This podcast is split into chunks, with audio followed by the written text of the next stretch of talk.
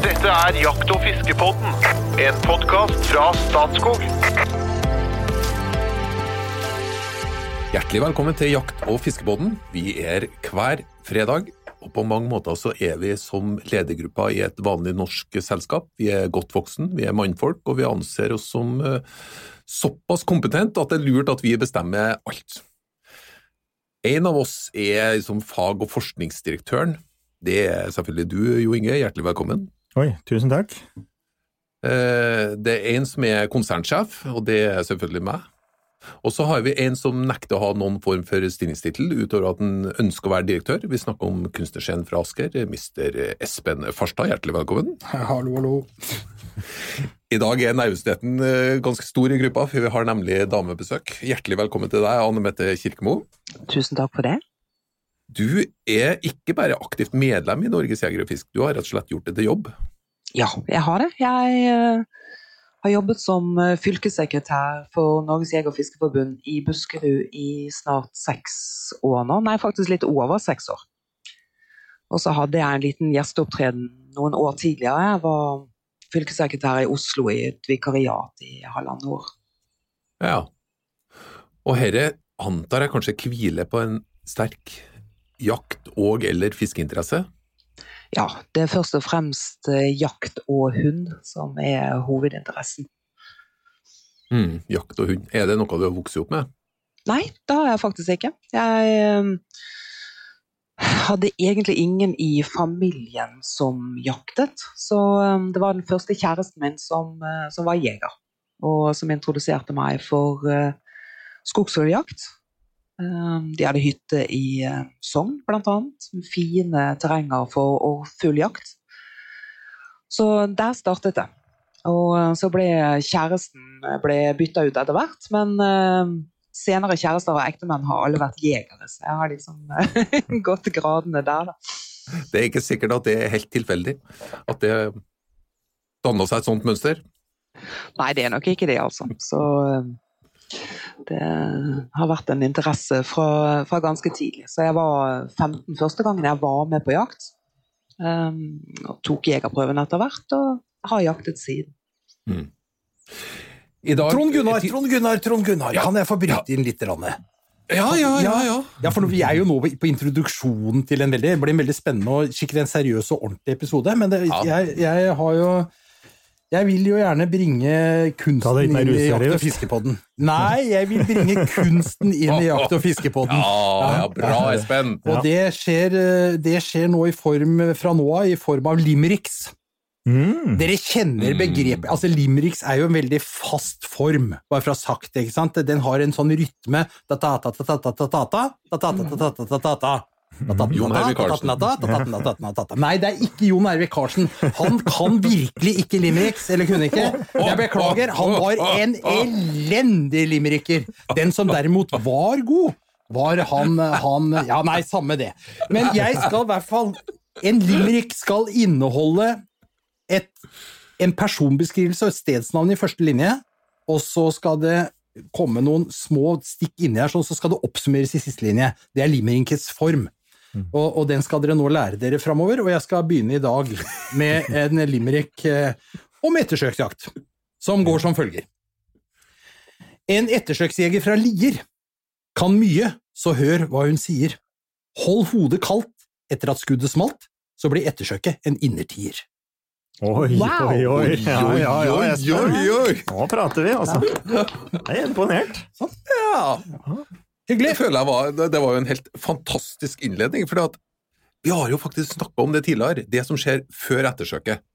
Og så sa vi at et, selve ettersøket, det skal vi komme tilbake til. Men det var noe sånn, og det gjaldt jo to typer situasjoner. Det ene er skadeskyting, og det andre er eh, påkjørsel.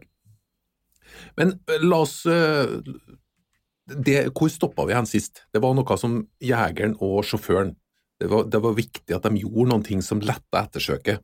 Greier dere å komme på hvor, hvor vi var hen? Hva, hva var det viktig å huske på? Ja, dette var, jo, dette var en trafikksituasjon med påkjørt vilt, og da var vi inne på dette med merkestedet. Eh, og gjøre eh, jobben så effektiv og enkel som mulig for den ettersøksjegeren som skal komme og hjelpe til med selve ettersøket. Mm. Eh, og det er jo dit vi er kommet. Nø- Nøyaktig merking. Vi sa merkestelle, men eh, det slurves enormt. Så eh, det er nøyaktig, og folk er ofte litt oppskak og greier. Så får du beskjed, og så har de rest ifra stellet òg, ikke sant. Så det å ha en nøyaktig merking Espen nevnte jo de her eh, dere båndene som Jeger og Fisk har, som er forsikringsselskapet, som du kan henge på f.eks. på ei brøytestekke eller, eller på et tre, eller altså det å merke stellet nøyaktig, så at hunden kan binde på rett fæl, f.eks. Det er alfa og omega her også. Jeg har jo hørt Mm. Ja. Og da merker du stedet der du kjørte på dyret, eller der du Der du så dyret stikke tå. Ja. Ikke begynne å rote Ja. etter, men eh, merke stedet der eh, dyret dro inn, ja. Eller dro vekk fra Mm. veien, eller Mhm. Sannsynligvis en eh, småstressa situasjon, men det kan jo hende at du greier Du må jo gjøre det så godt du kan, da. Men eh, Ja. ok, det, det var på trafik, trafikksituasjon. Og så har du eh, jegersituasjon. Du har skutt i, du tror du har skadeskutt. Hva i all verden gjør du? Ja, skulle vi ta og oppsummere det vi var sist, var det det du tenkte, eller? Ja, Jo Inge. For da er det jo Altså, det er typisk da skuddtegn, da, ikke sant? Hesten så det ut når du skjøt. Var det, ga det noe tydelig tegn? Så du at du traff? Hvis, I den grad du treffer med typisk en reflekule da, på en elg eller et rådyr, så vil du som regel se skuddreaksjon. Var det noen sånn form for skuddreaksjon, og hesten reagerte dyret da? Skjøt over et bein, for eksempel, det vil du se. Eh, krøke dem i magen, eksempel. eh, Skyte rygg, du se. Eh, var det som at de skulle treffe til lynet, de bare ruser av gårde med en gang. Så må eh, merke skuddtegnet og skuddplassen. Så der du, der du sto når du skøyt, og skuddplassen. Og da går du da til skuddplassen og merker den, da. Og så ser etter skuddtegn der. Det var jo det vi var. Så at du, du finner skuddplassen. Den vil kunne fortelle ganske mye for det eventuelle ettersøket som kommer etterpå. Og der står jo da Espen med sitt hvite lommetørkle og sjekker om det er noe blodtegn. For eksempel. Ja. Ja. Litt imponert nå, Espen? Ja, du, du, At du har tatt i deg lærdom, er jo selvfølgelig imponerende. Det er jo det. Takk, takk for det. Takk for det. Anne Mette, høres det ut som eh, gode råd, eller? Er, er, er du fornøyd nå? For nå kommer du som en eh, særdeles erfaren eh, ettersøksjeger, og så får du informasjon her nå som Jo Inge og Espen har fortalt. Ja. Det, det er riktig som de sier, det er en veldig stresset situasjon. Eh, Det jeg ønsker at du som jeger skal gjøre, det er at når skuddet har gått, så tenker du kjapt over eh, hva som har skjedd. Du tar nytt ladegrep, venter litt og ser om dyret kommer tilbake igjen. Eh, og så, etter hvert, om ikke det gjør det, så så tar du og merker hvor du satt, og så går du frem dit du skjøt på, på dyret, og så merker du hvor dyret sto. Og så må du selvfølgelig melde fra på radioen til de andre jegerne hvis du jakter på et jaktlag, eh, og gi beskjed hva som har skjedd. At du har skutt på dyr, at det ikke ligger nede, og hva dyr du har skutt på. Eh, Og så er det viktig å roe situasjonen litt. Tenke grundig over hva det, som, hva det var som faktisk skjedde, sånn at du kan gi en god beskrivelse til ettersøksjegeren. Ro deg ned, ikke stress. Vi vet at folk blir stresset når dyret ikke ligger der, men det er ikke sikkert det har løpt så langt. Eh, De verste ettersøkene jeg får, det er når eh, jegeren har gått og rotet der, kanskje resten av jaktlaget har kommet til, og så har alle mann begynt å lete på skuddstedet. Um, kanskje man har brakt inn jakthunden eller eh, en annen hund som sitter i bilen som ikke er en godkjent ettersøkshund, og så har man gått litt etter med den hunden. Um, Espen brakte inn kunsten, og det, det skal jeg også gjøre litt nå. Altså, du kan se på et skuddsted som et eh, maleri med våt maling. Og jo flere mennesker og hunder som driver og tråkker over dette maleriet, jo vanskeligere er det når ettersøksekvipasjen kommer, og ser og danne seg et bilde av hva som faktisk var der. Så eh, hold hodet kaldt. Tenk gjennom hva som skjedde, og merk både hvor du satt og skuddstedet. Men, men Og så, og så ringer du til ettersøksekvipasjen. Ja. ja, ja, for det er akkurat, akkurat dit var det jeg skal. For at det, Mm. jeg skal eh, villig innrømme at jeg et par ganger har vært i, i, i slike situasjoner hvor jeg eh, må gjøre en vurdering av skal jeg nå ringe til ettersøksekvipasjen, eller skal jeg ikke? Altså, senest på eh, søndag øh, skjøt jeg et rådyr. Nå fikk jeg sagt det òg, da, så det var jo hyggelig. Da skjøt jeg et rådyr på jakt. Det var en veldig kontrollert situasjon, syns jeg, men, men rådyret sprang etter skuddet. Jeg skjøt med hagle, ca. 20 meter. Eh, skjøt med hagle, og dyret sprang over en kule og blei borte. Eh, så jeg sto og venta litt, og så går jeg jo etter for å se om dyret ligger der. Hvilket det da gjorde på andre sida av den kula, så lå det stein der, liksom. Men hvor langt skal du gå hvis det ikke hadde ligget der, da? Hvis det hadde springet én eller to kuler til? Hvor langt skal jeg følge etter før jeg på en måte tenker at nå må ikke jeg gå og vase inn her og ødelegge alt, eller støkke dyret hvis det ligger i sårleir. Den vurderingen, hva, hva, hva tenker du om det? Nei, en sånn en tommel, tommelfingerregel er å gå ikke lenger etter enn 50-100 meter. Selv om vi vet at et godt truffet dyr kan løpe lenger enn det, så ikke gå lenger. Det blir en litt sånn, det å lage en akademisk diskusjon rundt nøyaktig hvor mange meter du kan gå etter, det blir litt feil. Eh, det kommer an på hvor godt følte du at skuddet satt. Føler du deg rimelig sikker på at du hadde et godt treff? At dyret sannsynligvis ligger der? Eller er du litt usikker på om du traff greit eller ikke? Det går litt på Og- skuddreaksjon, ikke sant, Jo Inge? som Som du ja. snakka om. Ja, typisk mm. skuddreaksjon. Du, du vil tolke veldig mye ut av skuddreaksjon, og det kommer med erfaring, da. Men hvis du er uerfaren, så er det ofte det litt vanskelig. Du er Ja. usikker, for det ruser av gårde, ikke sant. Mm. Eh, litt, litt hvem du treffer, da, selvfølgelig, men uh, en elg vil oftere stå rolig, mer rolig enn et rådyr, for eksempel. Hvis du har et godt treff på rådyr, hjerte, typisk hjerteskudd eller lungeskudd, så de kan jo ruse veien veldig fort, veldig fryktelig fort eh, bortover. Eh, Det er jo det er en erfaren jeger jeg skjønner jo skuddtegnet, da, men som ung og nybegynner så vil det her være litt skremmende og så litt rart. Du skjøt på det, så bare forsvant det, ikke sant. Det er nok mange som forventer at det nærmest skal dette med en gang, da. Eh, og til eh, Anne Mette som kommer etterpå, så er det jo, når den jegeren er litt oppgave det, så er det viktig å vite eh, var det flere dyr der, ikke sant? Her var det for dyr som kom, her var det for dyr du skjøt på, altså riktig kjønn og type. Og det skjer jo at det blir skutt i flere dyr på, på en post, så det kommer en familie, da. Ikke typisk kommer ku, kalv og okse. Altså detter både oksen og kalven, for eksempel. Eller, altså, du skuter ett dyr, og så skuter du på det neste. Og da er det òg viktig for en ettersøksekvipasjen å vite hvor det døde dyret er, så at du ikke begynner å rote den vitringa der inni det, ikke sant? Eller hvor det forsvant, så ikke hun eh, kommer opp i den ferske fæle, ikke? Så, så, det er ganske mye vi må holde orden på her i skuddsituasjonen, og holde huet kaldt når man møter seg. Mm. Ja, og så må man legge vekk prestisjen. Fordi at eh, det blir ofte sånn når dyret ikke ligger der, så begynner man å bli litt usikker på sine egne ferdigheter som, som skytter og sine egne ferdigheter som, som jeger. Eh, og så tenker man på resten av jaktlaget. Herlighet. Nå, eh, hvis jeg har skadeskudd nå, så må, må alle gutta eller damene sitte igjen her i flere timer og kan ikke jakte videre. Vi må bare gå på dette dyret som jeg kanskje har skadet. Eh, I verste fall så må vi gjøre det i morgen også. Og du sier, Espen, du kjøper dette dyret på søndag. Vel, hvor Mm. mange på jaktlaget kan ta fri på mandag da, for å følge etter dyret et døgn til? Så det er veldig mange følelser som, som slår inn. Akkurat de følelsene må vi prøve å, å bare legge vekk. Og så må vi konstatere at her ligger ikke dyret. Um, og da må vi bare gjøre det beste ut av det, og så må vi forberede sånn at det blir et godt ettersøk. Møter du, møter du mange sånne litt eplekjekke jegere når du kommer som ettersøksjeger, liksom? Nei, det er veldig sjelden at de, er- at de er eplekjekke. Veldig ofte så er de, er de preget av eh, stundens alvor.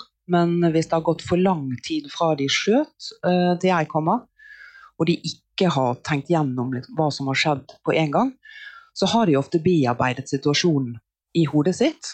Og så, så pynter man litt på den etter hvert. Og det er ikke fordi at man bevisst ønsker å lyve eller gjøre seg selv bedre enn en man er. Men det, det ligger dette at, at du sitter med en følelse av at du har gjort noe galt. Noe galt. Og, og da er det viktig som ettersøksjeger også å, å si det at du har gjort alt rett, for du har ringt til meg. Og jeg er her. Og nå roer vi dette ned, og så gjør vi dette sånn som vi skal. Lite, psykolog, lite psykologoppdrag der parallelt med selve jobben, da, skjønner jeg? Ja, du må være litt hobbypsykolog, altså. Du må det. fordi at uh, min jobb som ettersøksjeger det er å få så riktig bilde av situasjonen som mulig. Sånn at det er størst mulig sjanse for at vi får tak i å få avlivet dette dyret, forutsatt at det er skadet og at det ikke er et bomskudd. Mhm. Og når jeg, eh, kommer, når jeg kommer på stedet, så kan jeg, jeg kan gjennomføre et kontrollsøk for en antatt bom. Eh, kanskje er det bare et dødsøk, sånn at dyret ligger der dødt. Eller så er det et reelt ettersøk der dyret er skadet, og, og jeg eller en eh, skytter som går sammen med meg, må da forsøke å ta igjen og så avlive det dyret. Bare eh, et tips til. Vi har jo pratet om utstyr vi skal ha med oss på jakt, og jeg sa det den gangen at alle jegere må ha med seg hundebånd. I den grad det er en løs hund etter dette dyret, så skal den stoppes da, før, eh, altså på, senest på skuddplassen. Den skal ikke reise etter dyret. Det må vi terpe på. Så at, mm. den, om det er elghund eller rådyrhund eller her der, så når den kommer til deg på skuddplassen, den vil jo da felge fæla, så vil, vil jo komme på skuddplassen. Da skal den stoppes, så ikke den reiser etter. For det som man vet seg, i mange tilfeller er at det er bare dødsøk. Du leter etter en elg eller et rådyr som allerede er dødt.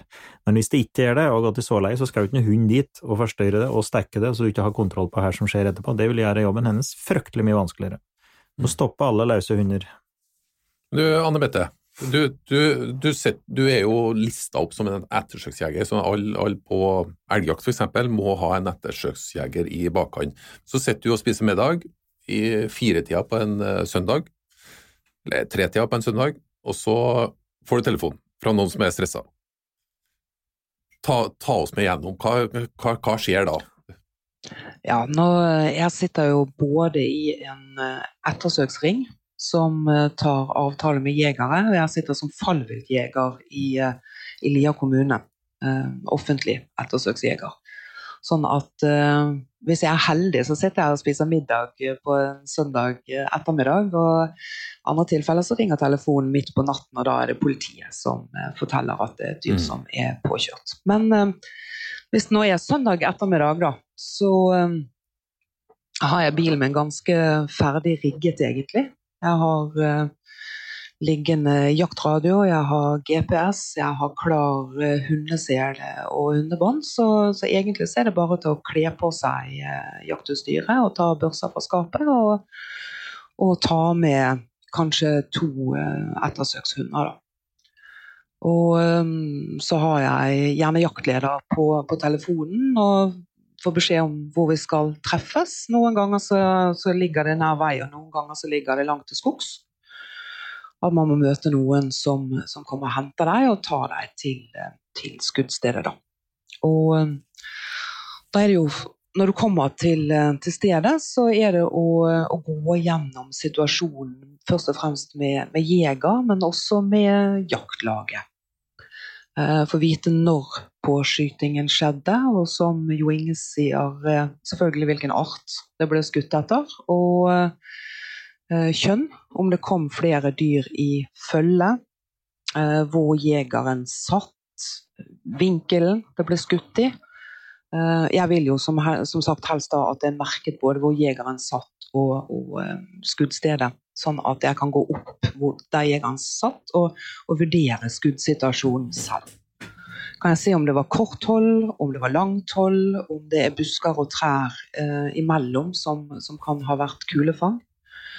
Eh, jeg lager en siktelinje, sånn at jeg kan sjekke om det f.eks. er bomskudd, at det er innslag av skudd i mark eller eh, trær.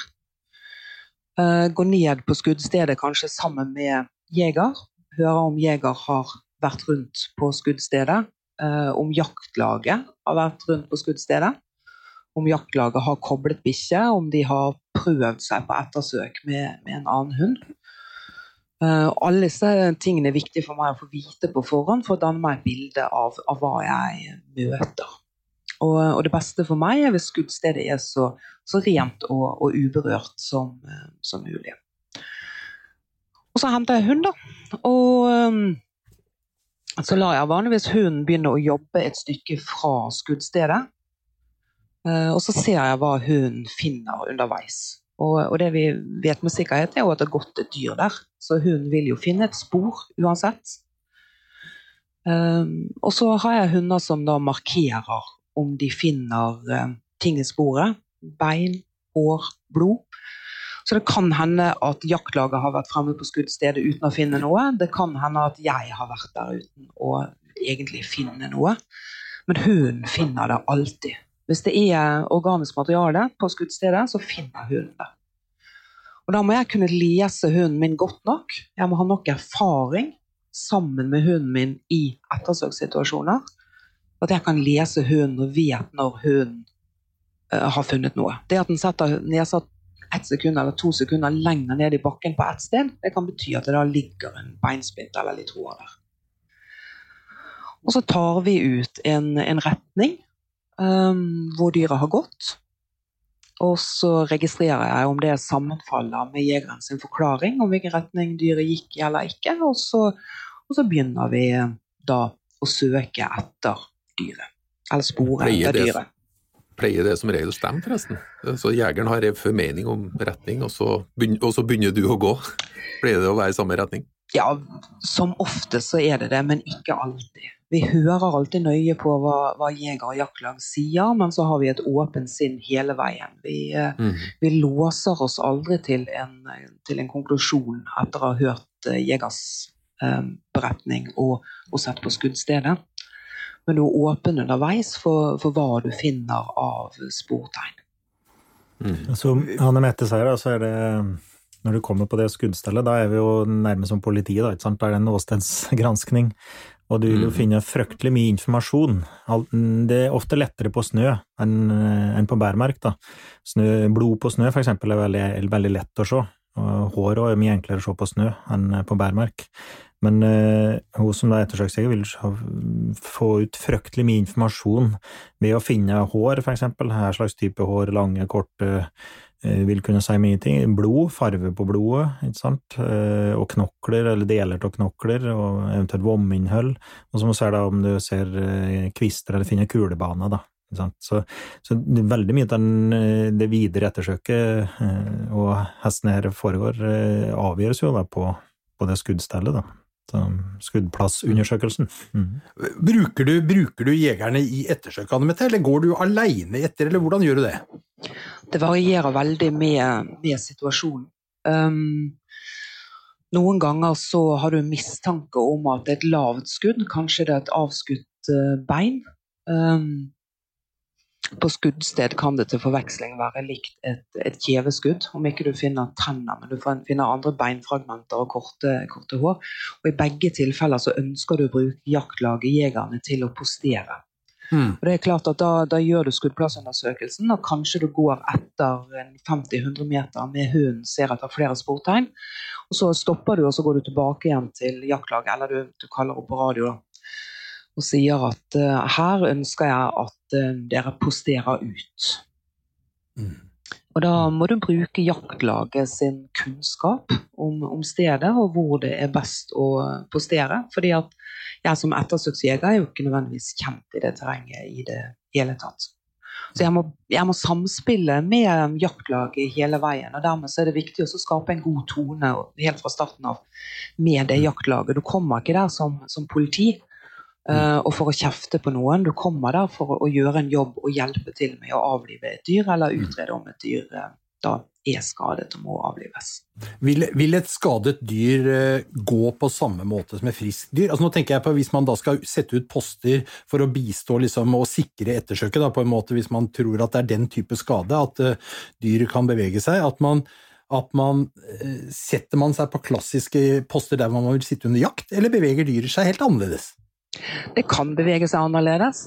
Det kan oppføre seg sånn som det gjør under jakt. Det er Eh, det som er med ettersøk, er at eh, de følger ikke alltid eh, læreboka. Du må være åpen for hvert enkelt ettersøk. At det er ikke nødvendigvis sånn som, som det du gikk dagen før eller, eller uka før. Mm. Så ofte så vil du be jegerne om å postere der de tror at dyret kan komme. Mm. Og du går jo da og dytter på med, med hund. Gjerne en, en jakthund. Jeg har ikke selv om jeg har to hunder, så, så går ikke jeg som, eh, som noe dobbeltekvipasje. Altså, jeg sporer med hund.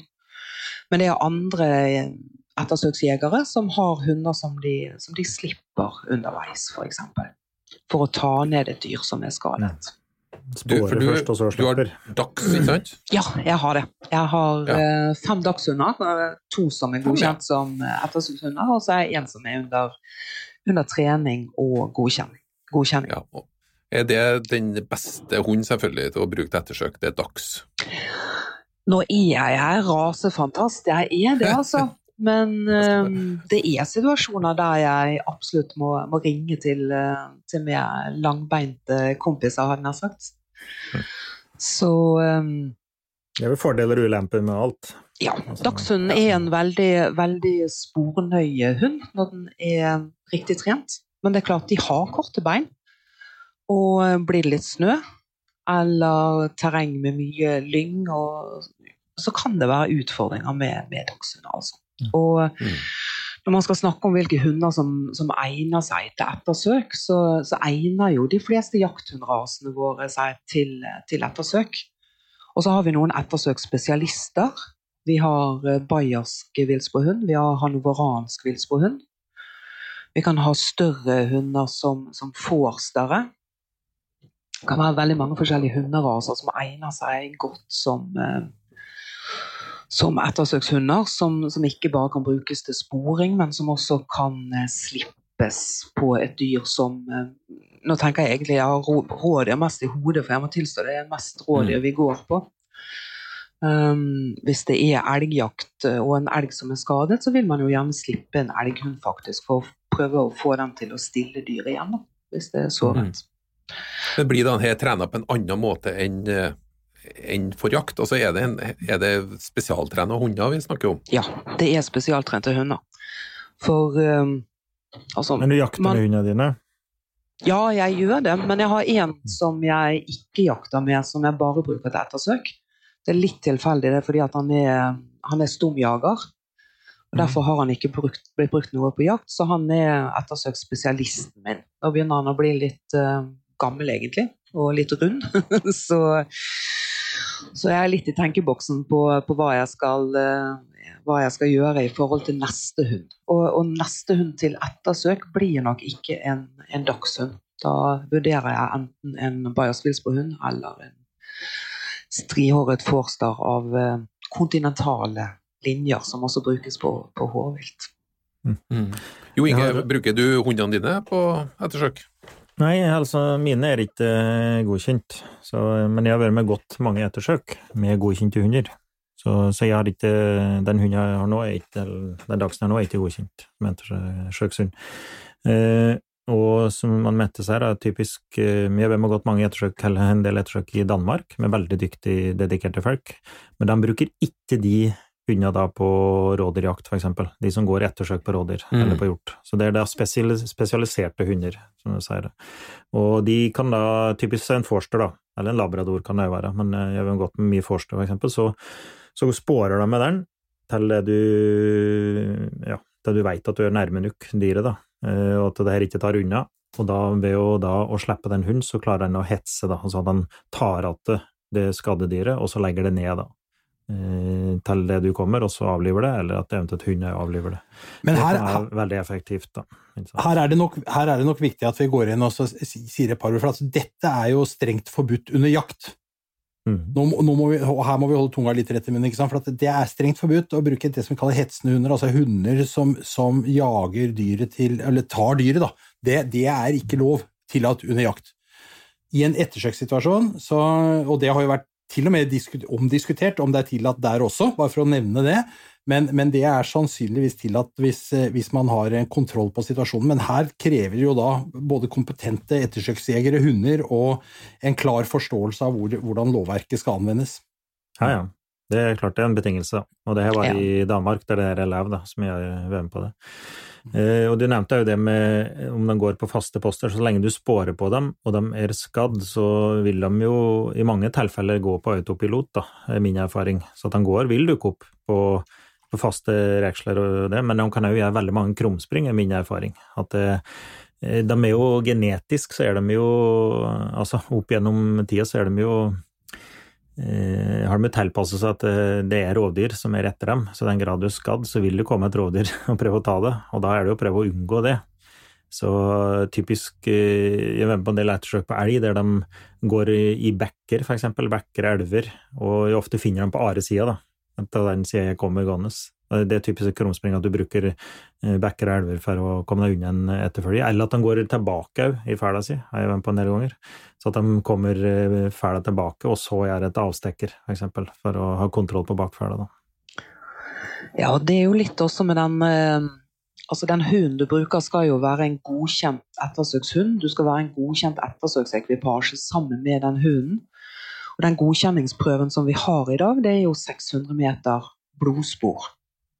Det, sammen med en fersksporprøve, den skal vise at hunden skal vise at den kan spore etter ferskt vilt sammenhengende i en halvtime. Mens eh, sånn som sveishundene, de har jo en, en bruksprøve som er lagt opp annerledes. De bruker veldig lite blod. Eh, de bruker noe som heter klausko. Som eh, er noe du trer på deg. Først så fester du en eh, hjorteklau eller elgklau eller rådeklau i denne her metallinnretningen, og så spenner du på deg disse skoene, og så begynner du å gå. Og så underveis så blør det litt i, i, noen punkter, men denne sveishundprøven den har bl.a. moment som tilbakegang, som, som, du nevner, Jo Inge. Og den har en sirkel der som man krysser sitt eget spor. Eh, litt forskjellige momenter som eh, du faktisk kommer ut for ganske ofte under praktiske ettersøk. Så eh, det er mange ettersøk der vi ikke har noe særlig blod i det hele tatt. Kanskje ikke noe i det hele tatt. Der du bare må gå på andre tegn fra det dyret. Så den godkjenningsprøven den er grei for å, for å sile litt, men det er ikke sikkert at, at det er en god nok prøve egentlig. Og, og, når du skal trene videre, når det først er godkjent, så legger vi veldig fort vekk dette blodsporet, og så trener vi på klausko og med andre momenter som uh, du opplever under reelle ettersøk. Mm. Er, det, er, det, ofte du konkluderer med at uh, nei, det var ikke en skadeskyting likevel? Det var etter all sannsynlighet ikke en skadeskyting? Av og til så er det det. Um, av og til så, så, finner vi ut at det er sannsynligvis en skadeskyting, men vi klarer rett og slett ikke å få tak i det dyret som er skadeskutt. Um, Hvor ja. lang tid bruker du før du gir deg? Det, det vil variere veldig med, med ettersøket, hva som ligger av tegn. Um, hvor langt vi har gått, hvor fort det går unna. Men uh, veldig ofte så er vi også ute og sporer dagen etterpå hvis vi ikke har fått det uh, første dagen. Og det, det, sier jo også lovteksten at du skal gjøre. Mm.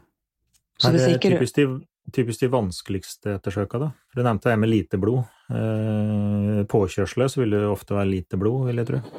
Ja, det som, ofte, det som kan være vanskelig, det er når det kommer mange dyr i, i følge og eh, og det å få satt hunden på det rette sporet. Og der igjen må du ha denne erfarne hunden, den erfarne ettersøksekvipasjen, som også kan lese, kan lese hunden sin. Og den erfarne hunden vil da plukke det dyret som er skadet, fordi at det avgir en annen lukt enn de som ikke er skadet. Mm. Uh, og Derfor så er det, er det en fordel ofte å bruke denne ettersøkseksperten, i den grad man har, har tilgang på det. Uh, fremfor den jakthunden som var godkjent når den, uh, når den, var ni måneder gammel. og Så hadde den vært brukt utelukkende på jakt i fem år. Og så kommer det en ettersøkssituasjon, og så plutselig skal man bruke den i et ettersøk. Uh, men den, den jakthunden den er jo vant til å løpe etter ferske spor på dyr. Og vi kan ikke vente at den plutselig skal slå over og, og absolutt finne altså, og først og fremst lete etter det skadede dyret. Det er jo et paradoks, det der. Altså, det, er jo, derfor dansker eksempel ikke bruker de sveishundene sine på jakt. Da. At de ikke da skal begynne å blande seg inn i, i ferske spor. Det, det, er kun konsentrert om de skadde. Men det er jo et paradoks da, at de skal de her eh, ettersøksekvipasjene bli gode, så må de ha mange ettersøk. Må ja. få mye erfaring. Ja. Og vi vil jo helst ikke at de skal få mye erfaring. Det er jo, det er jo en det er, ikke, det er jo ikke bra i utgangspunktet, for da er det jo dyr som lider, ikke sant? enten de er påkjørt eller skadeskutt i. Men skal de her hundene bli gode, så må de rett og slett spåre og, og gå mye ettersøk. da. Ja. Men det, det, som er et lite tips da, når man skal lete etter en ettersøksekvipasje og, og skrive en avtale med, så um, går man til ettersøksregister og så søker man på de ekvipasjene eller de førerne som har videregående ettersøkskurs. For de har tatt en tilleggsutdannelse, og, og mange av disse de, um, de, er offentlige ettersøksjegere. De er kommunale ettersøksjegere som også får erfaring um, året rundt på trafikkettersøkene. Mm. Og de um, Ja.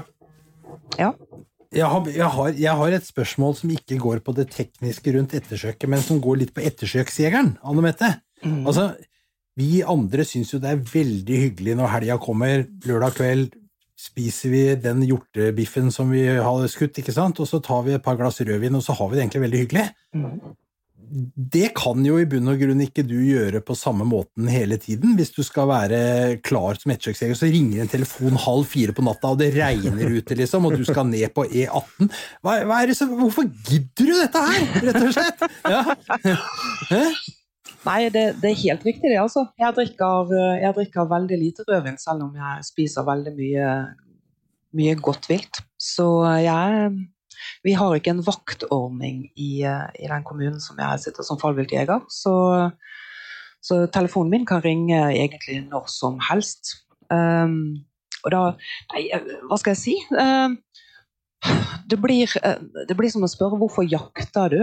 Um, og dette her blir jo egentlig også et skritt videre. Da. Det, det er den driven for å, å, finne de dyrene som er skadet, og som faktisk eh, ligger der og lider. Um, det er utfordringen i det. det. Du får en litt driv i det at det faktisk er, det er mer utfordrende enn en, en vanlig jakt. Uh, for meg så er det veldig mye samarbeid med hunden det er også å lese hunden og få et bilde ut av uh, hva som har skjedd, ut ifra å se reaksjoner på hunden. Og så er det den fantastiske tilfredsstillelsen når dyret faktisk ligger der. Mm. Enten du finner det dødt eller du har avlivet det. Så, som, mm. som, faktisk overgår den følelsen når dyret ligger der uh, på jakt. Altså. Så, mm. så, det er en blanding av, av, av altruisme og, og thrill-seeking, egentlig. Mm. Det er, det er, altså, grunnen til at jeg spør, er jo at, at altså, det er jo vi, vi må reflektere litt rundt det. Det er jo et helt fantastisk nettverk av ettersøksjegere over hele landet som, som har den samme eh, innfallsvinkelen til dette som det du har, Anne. Altså at man, man, man stiller jo opp man stiller jo opp. Man, det, det, er jo mye kred i dette, liksom. Man stiller opp. Og så er det selvfølgelig litt sånn egeninteresse i det. Altså, du syns det er spennende, og du trener bikkja di, og du lærer, og det er mye sånn. Men, men det, det, ringer sånne telefoner. Hva, hva, var det vi snakket om? At det kjøres i hjel opp mot 20 hjortevilt hver dag i Norge gjennom hele året. Mm. Ikke sant? Og noen noen da, som er dere ettersøksjegerne, er der ute og hjelper oss av med disse situasjonene, enten det skyldes da trafikkpåkjørsler, eller det er eh, under jakt at det skjer en skadeskyting. Eh, og det, det, Vi skal jo være evig takknemlige for at, at, noen tar på seg den jobben, tenker jeg. Og jeg, og jeg blir veldig nysgjerrig på hva, hva, er det som driver dere, men hver gang jeg spør en ettersøksjeger, så får jeg akkurat det svaret som du sier. Det er liksom en, en sånn kompleks bilde av, av mange elementer som gjør at dette gjør jeg. Mm. Det er ganske imponerende, altså, for det er jo Jeg kjenner jo mange ettersøksjegere, og det, jo, det, har en tendens til å være på helg, og en tendens til å være på kveld og natt, ikke sant? og dårlig vær. Og det, altså det er mange faktorer som gjør Særlig påkjørsler, da, ikke sant. Og, og det, det, er jo ganske imponerende. Jeg må si det. Jeg er veldig imponert av det eh, ettersøkskorpset vi har, av den jobben de gjør. Hvor mange ettersøk har du gjort, Anne Mette? Nei, det syns jeg det Litt vanskelig å tallfeste, egentlig. Eh, Veldig vanskelig å arrestere deg òg, så ja. det er men, eh, men, men det, blir ikke, det, blir ikke, mange hundre i løpet av et år, altså, selv om du sitter i en kommunal uh, fallviltgruppe. Så det går veldig i bølger. Vi, mm. vi, får et veldig inntrykk av når dyrene flytter på seg i løpet av året. Det kan være en måned, halvannen, det ikke skjer noen ting i det hele tatt. Og så plutselig så har vi fire påkjørsler i løpet av en, en uke. Mm. Mm. Men du går eh, Bare et kjapt spørsmål, et slikt teknisk spørsmål, da. For eh, du går jo med hund i bånd og spårer. Mm. Eh, Har du ofte med deg en, en skytter, eller går du, står du for den jobben sjøl? Når jeg, når jeg er med spåre f.eks. på elg, da, ettersøk på elg, så går jeg ofte jeg som skytter, da, altså ettersøksjegeren. For da er, jeg- da er jeg kjent i terrenget, vet ofte hvor elga går, og hvor posta sitter, ikke sant, og hvor vi skal sette ut poster, den grad vi skal forpostre det. Så det kan dirigere de på, på radioen hele tiden, og så kan hundeføreren være fullt fokusert på sporet og felge og finne spårtegn underveis. Og så skal jeg da være på alerten da, i fall det vi stikker elgen eller rådyret til såleie, eller at vi får se det, da, eh, og skal skute. Men eh, hvordan praktiserer du det? det, det vil også variere fra ettersøk til ettersøk. Uh, om jeg syns at eh, jeg har en, en god skytter som jeg kan ta med meg. En som er litt rolig i hodet, og som ikke er forstyrret av situasjonen. Og det å ta med seg den jegeren som har skadeskutt, det vil ofte være en dårlig idé. Hvis jeg har en dyktig jaktleder, så kan jeg kanskje ta med meg den jaktlederen. Men ellers har jeg alltid med meg eget våpen, i hvert fall i, eh, i bilen. Um, på trafikkettersøk så går jeg jo alltid med våpen. Vi, vi snakka om uh, de skadeskytingssituasjonene som sannsynligvis ikke er skadeskyting, eller at uh, dyret er såpass lite skada at det ikke er mulig å innhente igjen. Hvor ofte ligger det 175 meter unna? Nei, det, det, er også vanskelig å, det er vanskelig å tallfeste det, det også, altså. Det, 175 meter unna Nei, det er forholdsvis sjelden. Eh, Jeg har ikke, det har ikke vært så mye Altså, Nei, jeg har ikke gått så mye dødsøk, ja. Jeg må tilstå det. Mm. Hva skjer med slaktet? Så, du finner et dyr du avliver sjøl, eller det er allerede dødt. Hva, ja, hvis det er dødt, så tilhører det sikkert jegerne, eller? Hvis det er et jaktettersøk, så, så tilhører det jegerne eller jaktlaget. Jeg er bare inne for å gjøre en ettersøksjobb og eventuelt avlive. Så jeg, jeg jakter ikke i den situasjonen der. Jakt og ettersøk er to helt forskjellige ting. Um, hvis det er et eh, trafikkettersøk, så tilfaller viltet kommunen. Mm. Så um, er det større dyr, så, så Mm. gjør vi opp, og så sender vi det til uh, viltslakteri. Uh, jeg må tilstå sånn som, som rådyr som er påkjørt, så går det veldig ofte til, eh, til åte. Det er ganske mange som står i kø for å, for å få åte til enten eh, revejakt eller eh, rovviltfotografering. Eh, Og veldig ofte så er et, et påkjørt rådyr som har fått en eh, i fronten av en bil, så er det såpass ødelagt at eh, det blir ikke noe, noe fine slakt uansett. Altså. Vi skal begynne å nærme oss eh, landing, men Anne Mette, er det, det er ganske mange jegere som hører på her nå. Eh, nå har du sjanse til å gi dem et par oppfordringer. Det, det er faktisk veldig mange sjåfører, og de, det er mange jegere, mye fiskere, men nå har du sjansen til å gi Ja. noen råd helt på tampen. Hva, Jeg hva ønsker ønsker du deg? Jeg ønsker at alle jegere som jakter rådyr, hjort og elg i Norge, enten har godkjent ettersøkshund selv, eller at de faktisk har en skriftlig avtale med en ettersøksekvipasje. Og jeg ønsker at de har med seg den avtalen ut når de er på jakt, enten de jakter alene eller de jakter på lag. Hvis noe går gærent, så ønsker jeg at de beholder hodet kaldt, at de legger vekk prestisjen sin og tenker hva var det egentlig som skjedde? Satt jeg et dårlig skudd? For alle gjør det av og til. Det er ikke noe sånn at, at resten av jaktlaget shamer deg for, for resten av livet fordi at du har satt et dårlig skudd. Da er det så tilfelle et dårlig jaktlag. Um, så jeg ønsker at du holder hodet kaldt. Så ønsker jeg at når du har skutt på dyret og du ser at det ikke detter, så kaller du opp jaktlaget ditt og forteller hva som har skjedd. Så holder du deg rolig en stund til, og så merker du hvor du satt. Du merker hvor dyret sto når du skjøt på det. Så kan du undersøke litt på plassen og gå litt etter. Og så ringer du meg hvis ikke det ligger der, eller den ettersøksekvipasjen som, som jaktlaget har avtale med. Og når det gjelder sjåfører, så hvis du kjører på et dyr, og du ser, selv om du ser at det springer videre, så ring alltid til politiet og gi beskjed. Ring 02800. Da kommer du i kontakt med, med politiet i ditt distrikt, og så ringer de til oss. fordi at selv om det springer videre, så kan det hende at det ligger dødt eller skadet eh, 100 meter opp i lia der. Eh, De, de er full av adrenalin akkurat når dette skjer, og så klarer de å karre seg videre. Noen meter, noen hundre meter. Um, men de kan ligge der likevel. Så vi går på en god del dyr som helt tydelig har blitt påkjørt, og som det ikke er meldt fra om.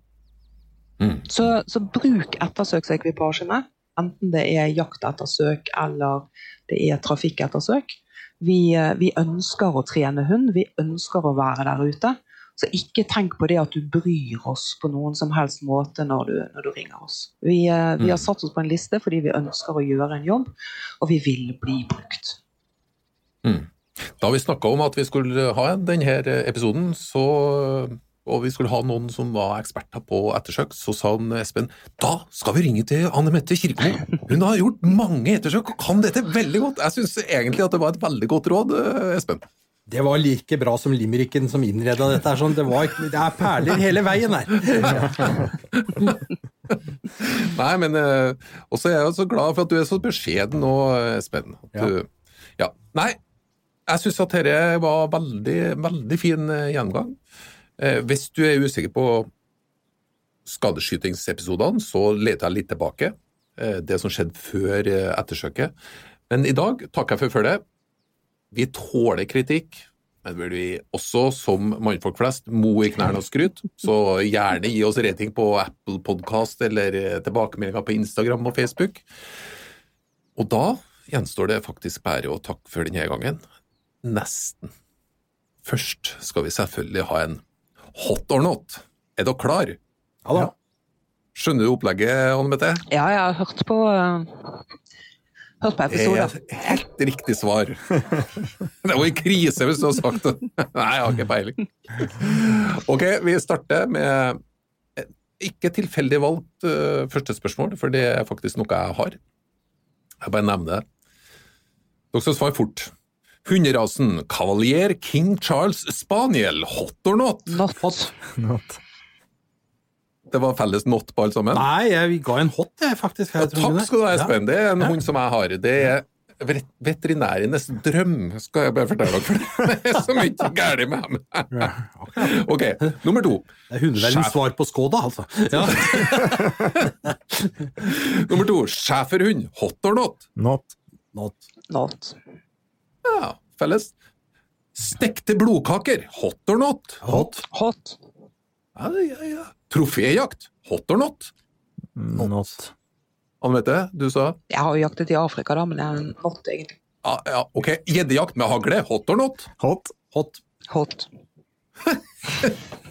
Nei, Det ble ganske samstemt. også, Men uansett så legger jeg alltid inn en som jeg vet blir hot fra alle sammen. Og det er nummer eh, ja, seks her nå. Åge Aleksandersens låt fra 1977 med det velklingende navnet Jeg sa kjøttkak. Hot or not? Not. not. Det var hot alle sammen. Takk for følget, og velkommen tilbake neste fredag.